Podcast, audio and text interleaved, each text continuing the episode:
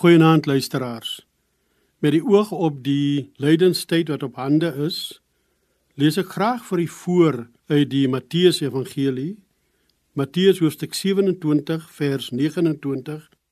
Hulle het ook 'n krans van dorings gevleg en dit op sy kop gesit en 'n rietsepter in sy regterhand.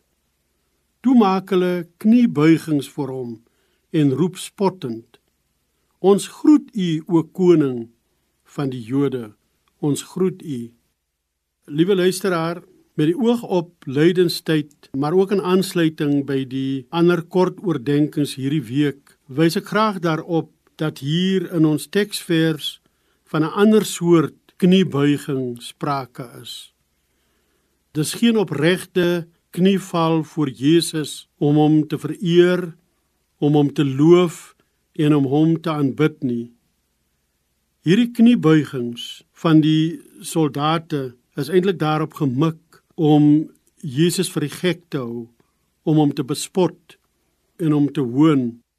Daarom buig hulle nie slegs die knie nie, maar hulle doen dit op grond daarvan dat hulle eers 'n kroon wat van dorings gevleg is op sy kop gedruk het en dat hulle 'n rietsepter in sy regterhand geplaas het toe het hulle die kniebuigings voor hom gemaak en spottend uitgeroep ons groet u o koning van die Jode. En daarom is daar talle voorbeelde in die Bybel waar mense ook met 'n buiging of met 'n knieval voor God gekom het, God in Jesus Christus en die Heilige Gees, maar met totale valse en verkeerde voorwendsels.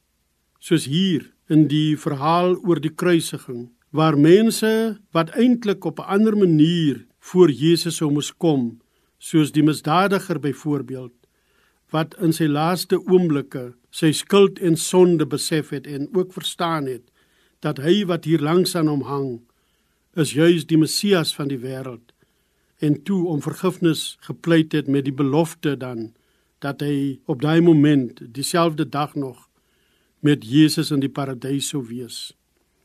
Baie maal moet ons self ondersoek doen oor of die wyse waarop ons voor Jesus kom nie eerder sy naam groot oneer aandoen as om hom te prys nie.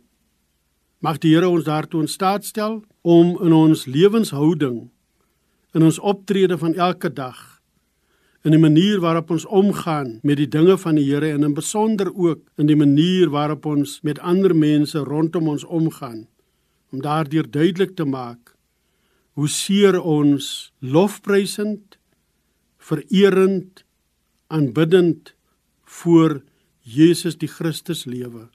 Amen.